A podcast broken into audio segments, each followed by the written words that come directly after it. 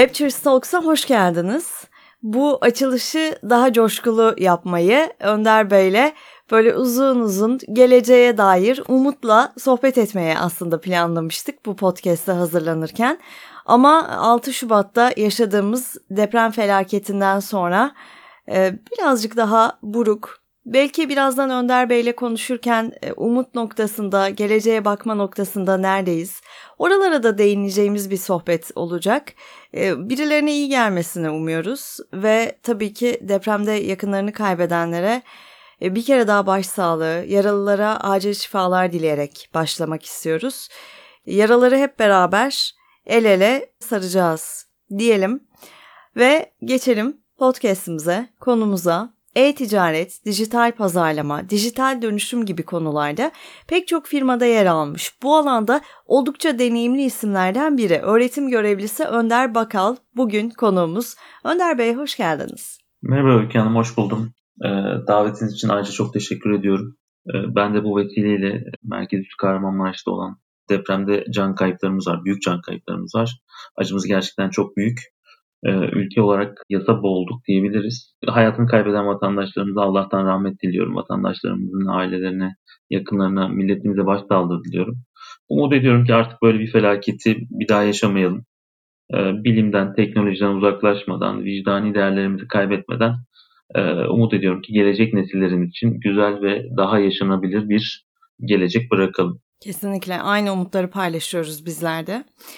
Şimdi bugün biz e-ticaretten, dijitalden bahsedeceğiz. Siz 20 yıldır bu işin içindesiniz. 20 yıldır e-ticaretin, dijitalin içinde olmakta bir takım şeyleri aslında çok önceden keşfetmek demek. O yüzden biraz daha gerilere gidelim istiyorum. Sizin hikayeniz nasıl başladı onu anlatabilir misiniz? Tabii. Bu arada ben geçen hafta diğer geçmiş podcastleri e, dinleme fırsatı da yakaladım. E, özellikle girişimciler için, öğrenciler için çok değerli e, içeriklerin olduğu, değerli konuklarla birlikte. E, bu anlamda sizin ve tüm emeği geçenlerin ellerine sağlık diyorum. Çok teşekkürler. Soru evet çok güzel ama bir o kadar da zor bir soru. Çünkü insanın kendi anlatması genellikle kolay olmaz. Zordur çünkü. E, nihayetinde hepimizin hayatında da bazı dönüm noktaları e, bulunuyor. Mutlaka vardır. E, benim özelinde de profesyonel hayatımı da aslında şekillendirecek o e, keşif yolculuğu e, esasen 2000'li yılların işte ortasında üniversitedeyken yurt dışı öğrenci değişim programı Erasmus'ta yurt dışına gitmek oldu. Ve e, Business Innovation adlı bir e, muazzam bir içeriğe sahip olan bir eğitim almak oldu. Muazzam diyorum çünkü gerçekten hani uygulama yönü itibariyle belki de e, yüksek lisans seviyesinde bir eğitimdi benim için. E, farklı Avrupa ülkelerinden gelen öğrencilerle birlikte e, güzel bir hem kültür alışverişi aynı zamanda da eğitim yılını geçirmiş oldum. E, eğitim dönemi içerisinde programın içeriği anlamında Avrupa'daki birçok firmanın aslında iş geliştirme, pazarlama gibi departmanlarını da bilakis yerinde incelemek, beraber proje yapmak ve neticesinde de staj yapma imkanı sağladım. E, o yıllar itibariyle yani e-ticaret ve dijitale ilişkin yakınsamam e, buralara dayanıyor. Benim o dönem staj için özellikle bulunduğum şirketin de o dönemdeki projelerinden biri e-ticaret ve B2B dijital pazarlama konularıydı. Ben de gerek araştırma tarafında gerekse de uygulama kısmında yer aldım ve deneyim kazandım. Ee, ve Türkiye'ye döndükten sonra da aldığım gerek tüm dersler, eğitimler, stajlar, e, zira bazı e, profesyonel anlamda aldığım mentörlükler hepsi e, bu konular üzerine oldu. E, akabinde de profesyonel hayata geçişim hep bu konularla ve ilk tercihlerim genellikle bunlar oldu. Tabii nispeten o yılları bahsettiğimizde şirketlerimizin bu uzmanlık alanında fazla insan kaynağı olmadığını da biliyoruz. Ee, bu anlamda hızlı bir kariyer gelişimi yaşadığımı söyleyebilirim. Ee, bunun neticesinde de işte yaklaşık 20 yıldır gerçekten Türkiye'nin saygın şirketlerinde birçok pozisyon ve departmanda e, çalıştım. Ee, bu serüvende işte departman kurulumları vesaire birçok gence mesleki anlamda e, katkılarım da oldu. Tabii bir de akademik taraf var. Belki onu da ilerleyen dakikalarda konuşuruz tekrar. Evet onunla da ilgili sorularım olacak. Önder Bey e, şimdi nöro pazarlama üzerine tez yazdınız. E, biraz konuyu hani bilmeyenler için de aydınlatmak gerekirse nedir nöro pazarlama? E, yani özellikle çok basit ve temel düzeyde e, anlatmaya çalışayım size. Çünkü konu e, nöro pazarlama olunca tabii birçok kafa karışıklığı da olabiliyor esasen. Öncelikle hani şunu biliyor olmamız lazım. Beynimiz hani birkaç analizle ya da işte birkaç grafiğe bakarak her şeyi görebileceğimiz, hemen e, yargı ortaya koyabileceğimiz bir organ değil kesinlikle. E, basit değil bir defa yani. Çünkü kompleks bir e, organ, kompleks bir e, yapı. Bunu netleştirmeden söyle, söze başlamak istemedim. Çünkü çok kafa karışıklığı olduğunu hepimiz görebiliyoruz. Hatta biraz daha ileri gideyim. Yani diyeyim ki beynimizde bir satın alma düğmesi de yok. Çünkü bazen görebiliyorum e, nöropazarlamayı başka şeylerle karıştırılabiliyor. Bilinçaltına bir mesaj veren bir e, yapıymış gibi e, lanse edilebiliyor. Bunlar yanlış. E, hatta işte bazen eğitimler falan görüyorum. Başta böyle süslü cümleler görüyorum. İşte müşterinizi hackleyin falan gibi. E, böyle bir şey değil yani onu e, söyleyeyim. E, tabii son dönemde yapılan araştırmalar bize gösteriyor ki aslında e, özellikle e, sözlü beyana dayalı e, araştırmalarda daha çok bilinçli e, karar süreçlerini tespit edebiliyoruz bizler. Yani örnek verecek olursak yani bir mesela anket size e, yöneltilmiş olsa muhtemelen işte makul ve mantık çerçevesinde anlamlı kararlar ve cevaplar verebilirsiniz. E, ama baktığımızda oysa e, kararlarımızın büyük çoğunluğunu bilinç dışı ya da e, farklı farklı motivasyonlarla veriyoruz. E, işte tam da burada zaten işte nörobilim ve nöropazarlama devreye giriyor. E, yıllar içerisinde tabii e, işte Nobel ödülü almış bu konu üzerine çalışan ünlü psikolog Daniel Kahneman'ın e, bir araştırması var beynimizin aslında karar verme mekanizmalarını temelde ikiye ayırıyor ve diyor ki pilot ve otopilot modları var insanların.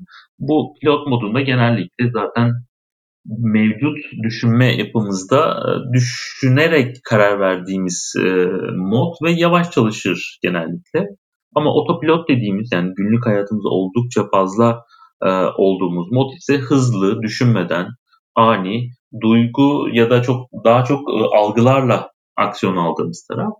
Dolayısıyla e, bunları e, optimize eden, bunları anlayabilen, bu araştırmaları nöro pazarlama ışığında yapabilen markalar ki o biraz önce söylediğim o otopilot modunu keşfettiklerinde insanların birçok anlamda reklamlar anlamında işte marka araştırmaları anlamında daha başarılı sonuçlara ulaşabilirler. Ee, tabii biraz önce şeyi söyledim yani belki orada çok kısa geçtim ama nörobilimi e, anlamak yani insanı anlamak nöro pazarlamadan önce da, daha değerli. Çünkü insanı anlamadan yani insanın bir evrimsel geçmişini anlamadan, ilkel beyni, sürüngen beyni anlamadan e, pazarlama açısından konuşmak e, ya da değerlendirmek gerçekten çok sığ ve e, basit kalabilir. E, insanı anlamak neden önemli biliyor musunuz Öykü Çünkü e, bize yıllarca e, işte ekonomi ya da iktisat anlamında neler öğretildi? İşte insanların rasyonel olduğunu, yani faydalarını e, optime etmeye, optimizasyon yapmaya, maksimize etmeye yönelik olduğu söylendi. Ama günlük hayatımızda da bunu çok net e, somut e, çıktılarını görebilirsiniz. E, geldiğimiz durum itibariyle aslında insanlar işte duygularıyla e, karar veriyor. Duygusal varlıklar baktığımızda. Dolayısıyla bunu bilmek bir pazarlamacı için çok önemli. Yani bunu bilmediğimiz ya da bunu e, odak noktamıza koymadığımızda e, yapacağımız araştırmalar ya da pazarlama faaliyetleri e, çok e, kısır kalabilir. Yine hani ben temel tanımı itibariyle e, değinirsem tabii tüketicilerin satın alma kararına etkisini inceleyen ve araştıran bir pazarlama bilimi gibi düşünebilirsiniz. Ve burada da özellikle araştırdığımız, dokunduğumuz taraf dediğim gibi duygusal, dürtüsel ve bilişsel taraf oluyor genellikle. Bunu çeşitli yöntemlerle, tekniklerle, teorilerle ortaya çıkarmaya çalışıyoruz ki burada takdir edersiniz pazarlama aslında bütünsel bakıldığında çok anlamlı. Çünkü birçok unsur var. Tek başına nöro pazarlama ve araştırmaları yetersiz kalabilir. Çok net bir şekilde. Diğer pazarlama araştırmaları ile birlikte kullanıldığında ise gerçekten en güvenilir, en doğru sonuçlara ulaşabilirsiniz.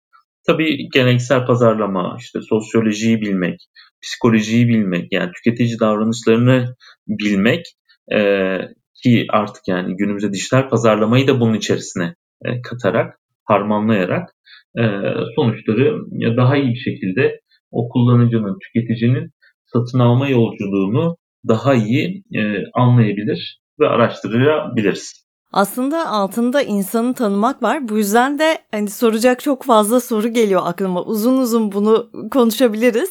Şimdi burada mesela sürece dair bir şey sormam gerekirse e, deneyler yapılıyor, araştırmalar yapılıyor. Peki bir marka daha iyi satış yapabilmek adına mesela gönüllü bir grubun üzerinde mi bir deney yapıyor yoksa zaten bu araştırmalar bir veri havuzunun içinde mi? Oradaki süreci merak ettim. Anladım. Ee, amaç bazen tabii daha iyi bir satış olabilir, daha iyi bir pazarlama aktivitesi olabilir ya da e, daha iyi bir kullanıcı deneyimi e, ne ortaya çıkarmak olabilir bu araştırmalar neticesinde. E, genellikle nöro pazarlama araştırmaları kurum dışı yapılan araştırmalar yani özellikle ülkemizde genellikle kurum dışından destek aldığınız, outsource aldığınız bir e, yapıya e, gidiyor ve araştırma şirketlerince yapılıyor.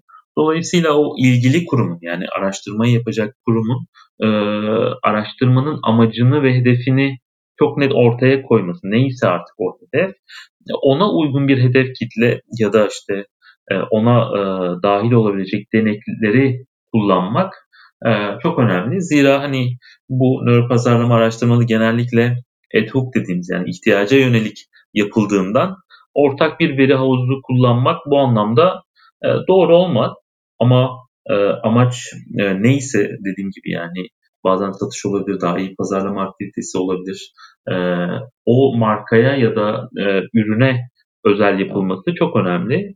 E, tabi burada hani takdir edersiniz ki başkasının bir e, bilgisini almak ya da hani gizlilik çerçevesinde etik anlamda da çok doğru olmaz. Dolayısıyla e, tüketici davranışlarını anlamak için gerçekten bu mekanizmaların ortaya çıkarılması gerekiyor ve ihtiyaca yönelik çıkarılması gerekiyor. Zira burada tabii e, şeyi konuşurken o araştırma sürecini e, konuşuyoruz. Birçok işte avantajı vesaire olduğunu söylüyoruz ama e, tabii burada gizliliğin, etiğin altını tekrar e, ortaya koyalım. Çünkü e, nihayetinde insan ve insan üzerine yapılan bir araştırma. Dolayısıyla burada etik konuları, gizlilik konularını e, ekstra e, söylemekte fayda var, dikkat etmekte fayda var. Aslında biraz konuşmanın başında değindik insan davranışlarını, duyguları anlamak önemli diye. Ama biraz daha belki teknik açıdan bakarsak bu araştırma sürecinde neye bakılıyor? Hangi davranışlar analiz ediliyor? E, biraz önce dediğim gibi farklı ihtiyaçlar için nöropazarlama araştırmalarını kullanabilirsiniz. İhtiyaca yönelik olacağı için reklam e, testlerinizi yapabilirsiniz. İşte marka algı çalışmalarınızı yapabilirsiniz. E, kullanıcı deneyimi e, testlerinizi yapabilirsiniz. Zira müşteri deneyimi tarafında araştırmalarınızı yapabilirsiniz. Burada yaklaşık yani ortak olarak 5-6 kullanılan teknik bulunuyor. Yine orada hani kısa kısa belki e, hızlıca dinleyicilerimize aktarmamız gerekirse mesela fMRI dediğimiz yani biraz hani MR'a benzeyen fonksiyonel magnetik rezonans yöntemi bir nevi işte MR cihazı gibi. Bu yöntem hani tüketicinin davranışlarını inceleyip neye tepki verdiklerini öğrenmek için kullandığımız bir yöntem. İşte beynimizdeki kanın yani oksijenin nereye gittiğini e, anlamaya yönelik ve tespit etmeye yönelik bir e, metot.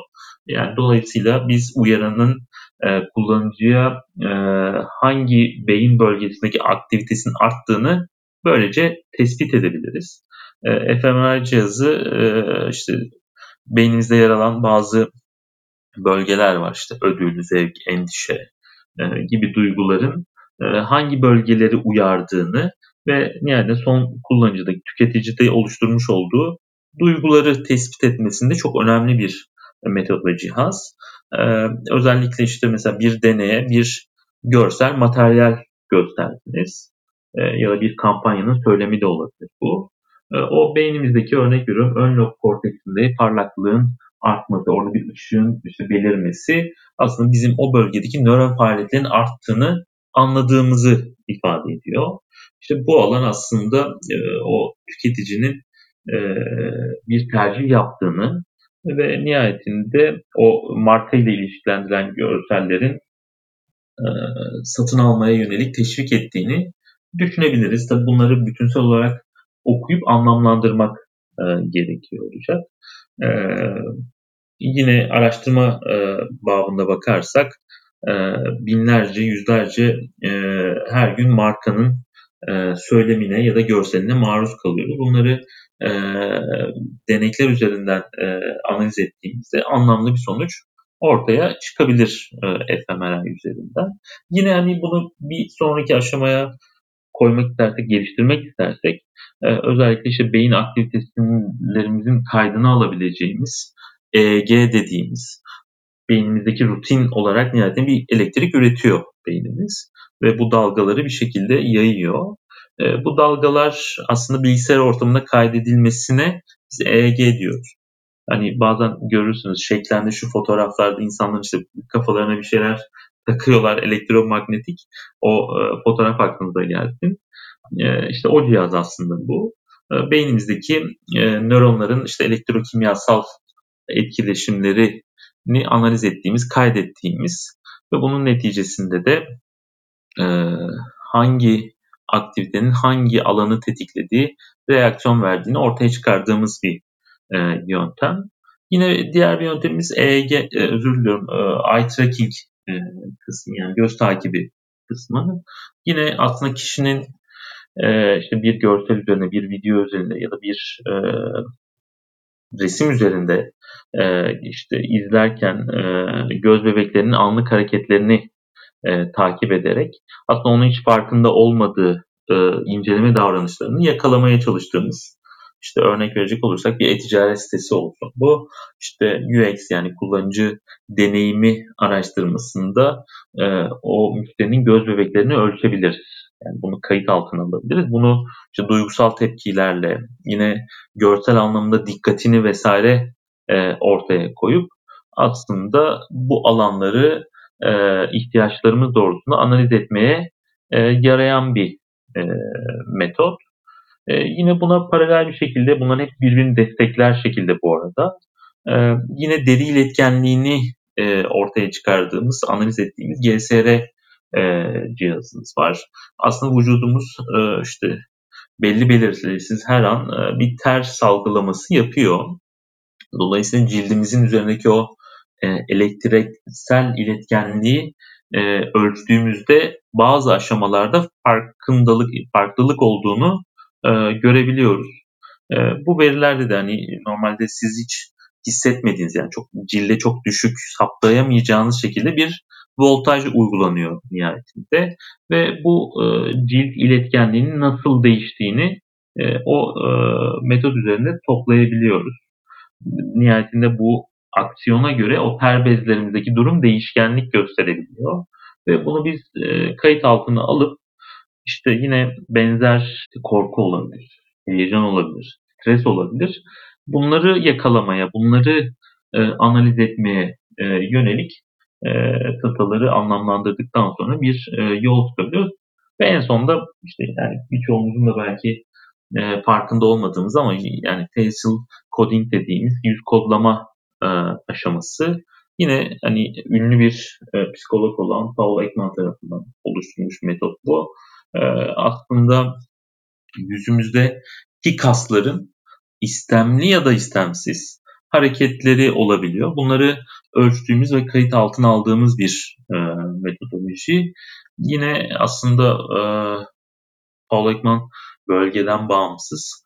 Yani Avrupa'daki ilkel bir kabileden tutun da işte farklı farklı ırklarda ya da gelişmiş toplumlardaki e, araştırmalarını e, bir araya getirdiğinde aslında temelde işte beş duygu diye nitelendirdiğimiz mutluluk, üzüntü, iğrenme, korku ve öfke duygularının aslında her toplumda aynı yüz kaslarını e, tetiklediğini, hareket ettirdiğini anlıyor ve bunu da aslında bir metodoloji olarak bir matematiksel formüle dönüştürmeye çalışıyor.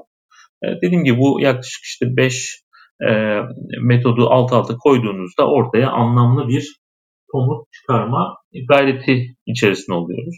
Bunların hepsi dediğim gibi insanı tanımaya yönelik, insanı anlamaya yönelik ve neticesinde de tabii tüketicilerin satın alma kararına etkisini e, anlamaya yönelik çalışmalar. Yani çok da heyecan verici böyle sizi dinlerken e, biz belki yani ben olayın diğer tarafında olarak e, alışveriş yapmak, bir şeyler satın almak ya da gördüğüm bir reklamdan etkilenmek e, doğallığı içinde gerçekleşiyor ama bunun arkasındaki süreci görmek hakikaten heyecan vericiydi. Peki bütün bu araştırmalar sonucunda çok merak ettiğim bir şey var. Satın alma davranışlarına göre insanları ayırmak mümkün mü? Ya da burada nasıl bir ayrım var? Anladım. Ya insanları ayırmıyoruz. Yani Mevlana gibi ne olursan e, gel diyoruz. O bakış açımız var. E, ama şu, tabii şunu yapıyoruz. Yani satın alma e, davranışlarının temel e, analizlerini aslında artık işte yapay zeka temelli e, araçlar ile neredeyse uçtan uca analiz edebilir hale geldik. E, bu arada hani yeri gelmişken ilgi duyanlar için belki de e, sosyal medyanın, dijitalin, işte o e, datanın gücünü anlamak isteyenler için iki tane film önerim olabilir. E, bunlar e, bilmiyorum söyleyebiliyor muyuz ama Netflix yapımları. E, öğrencilerimize de hani öneriyorum bu arada çünkü. İlki The Great Hack, e, diğeri Social Dilemma. Ee, belki hatırlarsınız geçtiğimiz yıllarda işte Facebook'un işte bir data skandalı, Cambridge Analytica data skandalı olmuştu. E, seçimler vesairenin etkilendiği. E, The Great bunu ele alıyor. Diğeri de Social Dilemma. E, bu da aslında sosyal medyanın hepimizi nasıl bir kurban haline getirdiği ya da şirketlerin o platformların karlarını maksimize etmek için işte sosyo-kültürel ayrımdan bağımsız olarak nasıl beslediğini ve özellikle insanların işte duyguların, davranışlarını manipüle etmeye yönelik komplo e, teorilerini ya da o işte yaşıyoruz maalesef dezenformasyonu yayma e, kabiliyetlerini ele alıyor. Bence bir hafta sonu izlencesi olarak vakitleri varsa e, dinleyicilerimiz e, izleyebilirler. Tavsiye ediyorum. E, tekrar dönersem satın alma davranışı e, tabii hani nöro pazarlama bakış açısıyla önce değerlendireyim. Sonra dijital pazarlama yönüyle biraz daha değerlendirebiliriz bu ayrımı. E, tabii nöro pazarlama o tekniklerini işte konuştuğumuz gibi bütünsel olarak değerlendirdiğimizde e, hangi tüketicinin hangi motivasyon kaynağına e, nasıl tepki verdiğini analiz edebiliyoruz. Yani bu bize aslında büyük bir e, güç sağlıyor. Yani örnek verecek olursak yani hızlı e, işte bir e-ticaret sitesi olduğunu varsayalım. İşte hızlı kargo gönderimini içeren bir e, mesajın ya da reklamın e, satışa katkısını ölçebiliriz. Ee, dolayısıyla buna duyarlı bir kitle varsa o kitleye diyebiliriz ki bakın fiyattan bağımsız bir konu. Hizmet odaklı bir tüketici ya da tüketici grubu. İşte diğerlerini yine yapacağınız araştırmalarla işte fiyat ya da indirim odaklı şeklinde e, sınıflandırabilirsiniz. E, dijital pazarlamaya bakan yönü itibariyle değerlendirirsek aslında hepimiz o dijital platformlarda bir şekilde dijital bir ayak izi bırakıyoruz. E, istemsizce de olabilir bunların çoğu. E, böylece hani dijital pazarlama uzmanları sizi uçtan uca analiz edebilirler. Yani böylece hem demografik anlamda hem de işte geçmiş deneyiminiz ya da alışverişlerinizden yola çıkarak siz de anlık olarak yapay zeka destekli karar mekanizmalarıyla nihayetinde kişiselleştirerek size özel kişiselleştirilmiş bir alışveriş deneyimi sunabilirler. Zira takdir edersiniz ki her müşterinin beklentisi de inanın çok farklı. Ee, dolayısıyla her müşteriye kendisine özel hissettirecek e, ürün ya da hizmeti ancak bu şekilde e, verebilir ve bu deneyimi ancak bu şekilde tasarlayabilirsiniz. Evet şimdi biraz da böyle o hizmeti veren o ürünü satan tarafından konuşacak olursak herkes e-ticarete girmek istiyor. E, pandemiyle beraber bu anlamda nasıl bir artış yaşandı diye soracağım. Hani e, gözle görülür olarak aslında bu artışı görüyoruz ama e, rakamlar nasıl, ileride nasıl olacak sizce? Evet, e, gerçekten pandemi süreci hiçbirimizin istemediği yine e, dünya çapında e, belki milyonlarca insanı etkileyen özel bir durum. Umarım yine böylesine bir salgını bir daha yaşamayız. Hem ülke olarak hem dünya olarak. E, tabii pandemi döneminde gerçekten e-ticaret satışlarının ciddi bir artış gerçekleşti. E, yıllarca hani geçmişte alternatif satış kanalı olarak değerlendirilen bu kanal e, doğal bir e, ve tek bir kanal haline geldi takdir edersiniz. Tabii böyle olunca da aslında birçok girişimci e, ve daha önce belki bu sektöre yatırım yapan, e, yapmayan firmalar bu anlama yatırım yapmaya başladılar. E, yatırım yapanlar da daha fazla nihayetin yatırım yapma kararı aldılar. İşte ekiplerini genişlettiler, işte depo yatırımlarını arttırdılar gibi gibi. Nihayetinde e, her yıl ortalamada neredeyse %50 e, büyüyen bir sektörden bahsediyoruz. Yani çok e, cazibe edici bir sektör bu. Dolayısıyla bu da hani o alt tarafta oluşturacak mekanizmaları da geliştirmiş oluyor. E, 2022 verileri henüz hani resmi olarak tam olarak açıklanmasa da Türkiye'de hani e, rakamlara baktığımızda yaklaşık işte 381 milyar TL gerçekleşen bir rakam vardı. Muhtemelen hani bu rakamın yine işte gerek e, enflasyon gerekse de işte sektör büyüme oranlarını alt alta koyduğumuzda yaklaşık belki 700 milyar TL gerçekleşeceğini tahmin ediyoruz. Muhtemelen işte e, Mart ya da Nisan ayında bu resmi rakamlarda yayınlanmış olur. E, ileride bu rakamlar nasıl olacak e, sorusuna gelirsek, tabii gerek ekosisteme girecek yeni oyuncuların getireceği bir soluk olacak.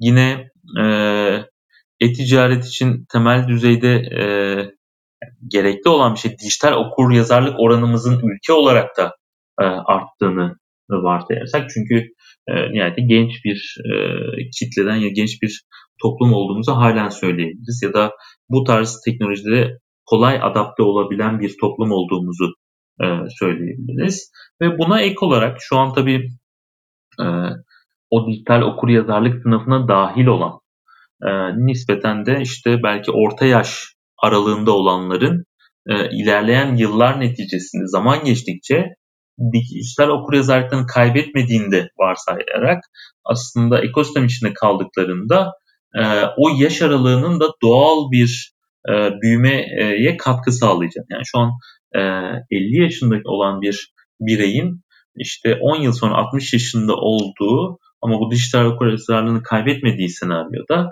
işte 60 yaşında da artık o e-ticaret kanalında kullanılan bir yapı haline gelecek. Dolayısıyla doğal bir büyüme önümüzdeki yıllarda da bizi e, bekliyor olacak. E, e-ticaret girişimciliği konusuna gelirsek yani herkes bu sektöre e, girmek istiyor olabilir. Biraz önce bahsettiğim gibi ekosisteme girecek olan yeni oyuncular bir soluk getirecektir nihayetinde. Bireysel anlamda da çok fazla kendimizi geliştirmediğimiz ya da toplum olarak yani bunu hani bir öz eleştiri hep beraber yapalım. Nispeten az okuyoruz, az araştırıyoruz, az geziyoruz. Tabii böyle olunca da e, başarılı girişim oranlarımız e, özellikle teknoloji odağındaki e, girişimlerimiz ya da yeni nesil iş modellerindeki girişimlerimizin büyük bir oranı maalesef başarısızlıkla sonuçlanıyor. E, et girişimciliğinde de inanın bu oran çok yüksek. E, tahmin ediyorum ki işte açılan e-ticaret sitelerinin büyük bir çoğunluğu e, kâra geçemiyor ve genellikle de 3 yılın sonunda da kapanmak zorunda kalıyorlar.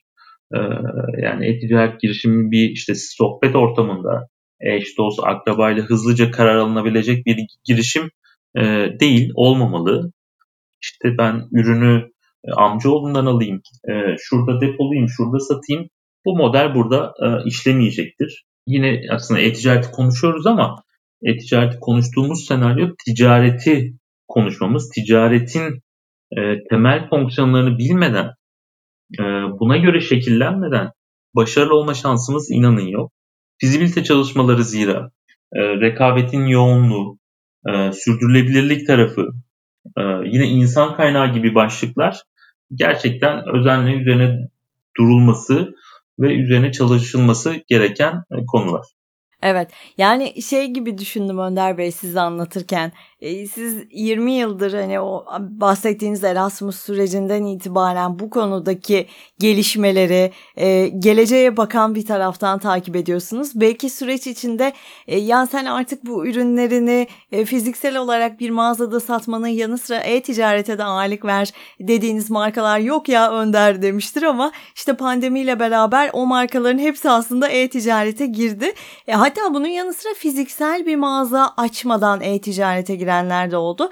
Ama burada herhalde sadece e-ticarete atılmak olarak e, bakıp o şekilde bir para kazanma haritası çizmek değil de yine orada işte ticaret, tüketici davranışını anlamak hani bu kadar kolay bir iş olmadığını da bunu e, anlamak gerekiyor herhalde. Tabii yeni yeni hayatımıza giren bir şey olduğu için biraz süreç gerekiyor. O yüzden sizin bu anlamdaki önerileriniz çok faydalı oldu. Ben de böyle markalar neler yapmalı diye soracaktım. Aslında değinmiş olduk ona. Bunu ilave çok pardon bir şey söylemem gerekiyor siz bunu söyleyince. Tabii e, her ne kadar yani e-ticaretten bahsediyorsak e, işte elektronik ortamda da geliştiği için, e, gerçekleştiği için bazı teknik konular olabilir. Burada hani kimsenin işte sen yazılımcı değilsin, sen şöylesin öyle bir ayrımımız yok. Ama mutlaka ve mutlaka bir eğitim alınması gerektiğini e, biraz önce söylemeye atladım. Onu mutlaka söyleyeyim çünkü eğitim şart. Yani şimdi şart diyorum. Özellikle bir e-ticaret girişimcisi için o dijital ekosistemi anlamak, dijital literatüre e, hakim ve aşina olmak, nispeten de dijital pazarlamayı doğru kurgulamak önemli. Nihayetinde girişimci her şeyi yapmak zorunda değil.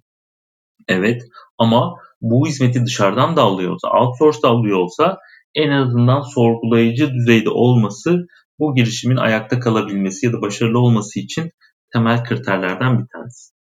Evet. Yani aslında çok çok büyük bir değişim. Hani mesela işte bir mağaza açmak, bir dükkan sahibi olmak bize babamızdan, dedemizden kalmış olabilir ve oradaki alışkanlıklar aslında çocukluktan beri bize geçmiş olabilir, görmüş, öğrenmiş olabiliriz. E, ama e-ticarete atılmak dediğimizde hani bilmediğimiz çok fazla alan olabilir ama dediğiniz gibi e, her şeyi kendimiz yapmaya olsak bile bunları öğrenmeye vakit ayırmak gerekiyor. Peki e, hep söylenen bir şey var ya gerçekten doğru mu diye soracağım. Dijital dönüşümün içinde yer almayan markalar önümüzdeki yıllarda hakikaten yok olmaya mahkum mu? Yani şöyle tabii ki dijital dönüşüm ya da şöyle bir giriş yapayım o zaman. Ee, bir film repliğiyle giriş yapsak yani bir cisim yaklaşıyor desek ya da işte geliyor gelmekte olan e, gibi bir şey söylesek e, güzel bir giriş olabilir. Gerçekten dijital dönüşüm uzun bir süredir şirketlerin hem üst yönetimlerinde, ekiplerinde, ajandalarında ya da işte yapıyorlarsa zaten hala hazırda bir sürecin içerisinde olabilirler. E, dijital dönüşüm gerçekleştiremeyen şirketlerin e, gerçekten bir süre sonra öncelikle rekabet güçlerini kaybedeceği e, ve pazarda zayıf bir konuma düşeceği ve bunun neticesinde de muhtemelen yok olacağı yapılan çalışmalarda, raporlarda ortaya çıkıyor. Ee, inanın bunu birçok hani global ve yerel şirkette örnek verebiliriz. Yani bu dijital dönüşüm diyoruz ama bu zaten hani e, olan bir şey ve hani son 5 yıla 10 yıla baktığınızda burada da hani bu dönüşümü gerçekleştirememiş birçok şirkete e, gözlemliyoruz. Ve bunlar gerçekleşti.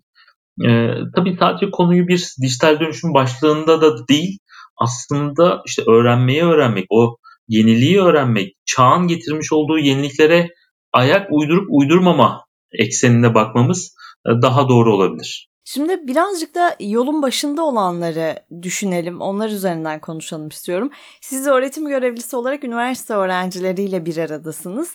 Ve maalesef artık günümüzde üniversitenin bir bölümünden mezun olmak yeterli değil. Yani o 4 yıl bitmeden dünyada çok fazla şey değişebiliyor. Yolun başındaki kişiler ne yapsınlar? Biz her ne kadar genç bir nüfusa sahip gibi gözüküyoruz aslında ama aslında nihayetinde yaşlanan da bir e, şeyimiz var. E, son 4-5 e, yılda gerçekten yaşlanan bir nüfus haline de dönüşüyoruz.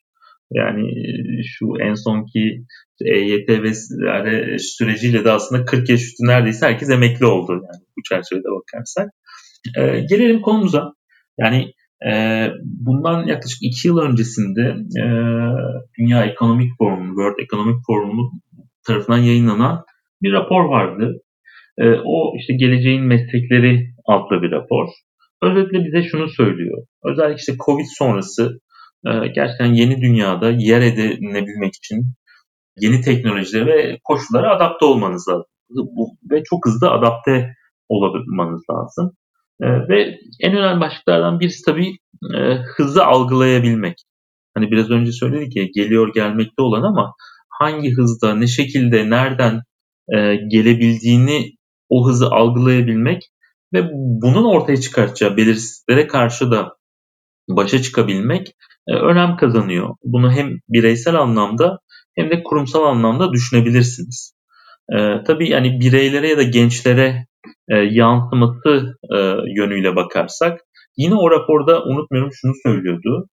E, yani bugün ilk or, ilk öğretim ya da ilkokul çağında olan e, çocukların büyük çoğunluğunun e, belki %50'den fazla %60-65 gibi bir rakam e, mesleklerinin ne olacağını tahmin edemediklerini yani işte e, 40 yaşına geldiğinde hangi mesleği yapacağını vesaireyi bilemediklerini, tahmin dahi edemediklerini ve muhtemelen de profesyonel hayatlarında en az iki ya da üç meslek değiştirmeleri gerektiğini aktarıyordu.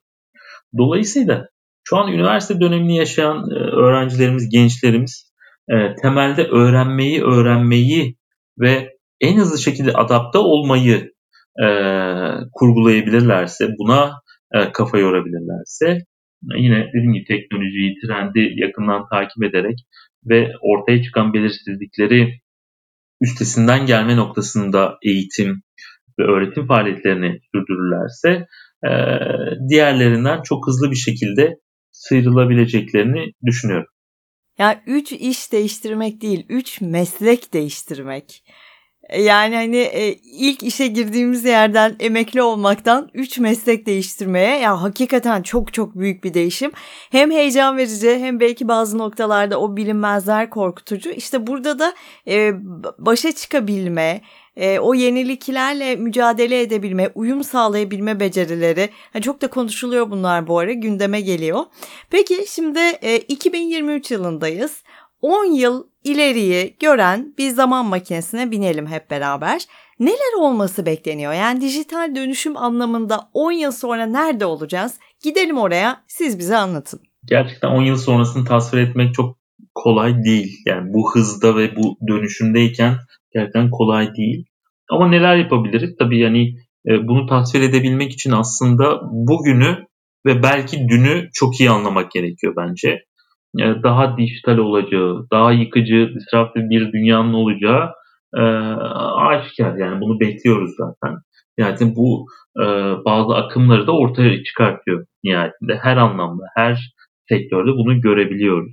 Yani düşünün otomotiv sektörünü yani 10 yıl önceki otomotiv sektörüyle şu anki otomotiv sektörünü kıyaslayamayız bile. Yani muhtemelen birkaç yıl içerisinde işte otonom araçların artık günümüze işte 5G ile birlikte 6G ile birlikte ne kadar çok yoğun kullanılacağını vesaire az çok tahmin edebiliriz. Yine Dünya Ekonomik Forumu'nun bir e, Future of Jobs raporu vardı yani geleceğin e, meslekleri raporu. E, orada şunu söylüyordu yani 2025 yılına kadar ki işte 2-3 senemiz kaldı.